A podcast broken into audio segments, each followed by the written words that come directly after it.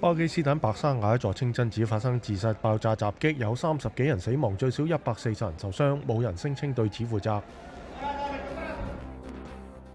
新西蘭嘅奧克蘭及周邊地區發生洪水，最少有四人死亡，預計星期二同星期三繼續受到惡劣天氣影響。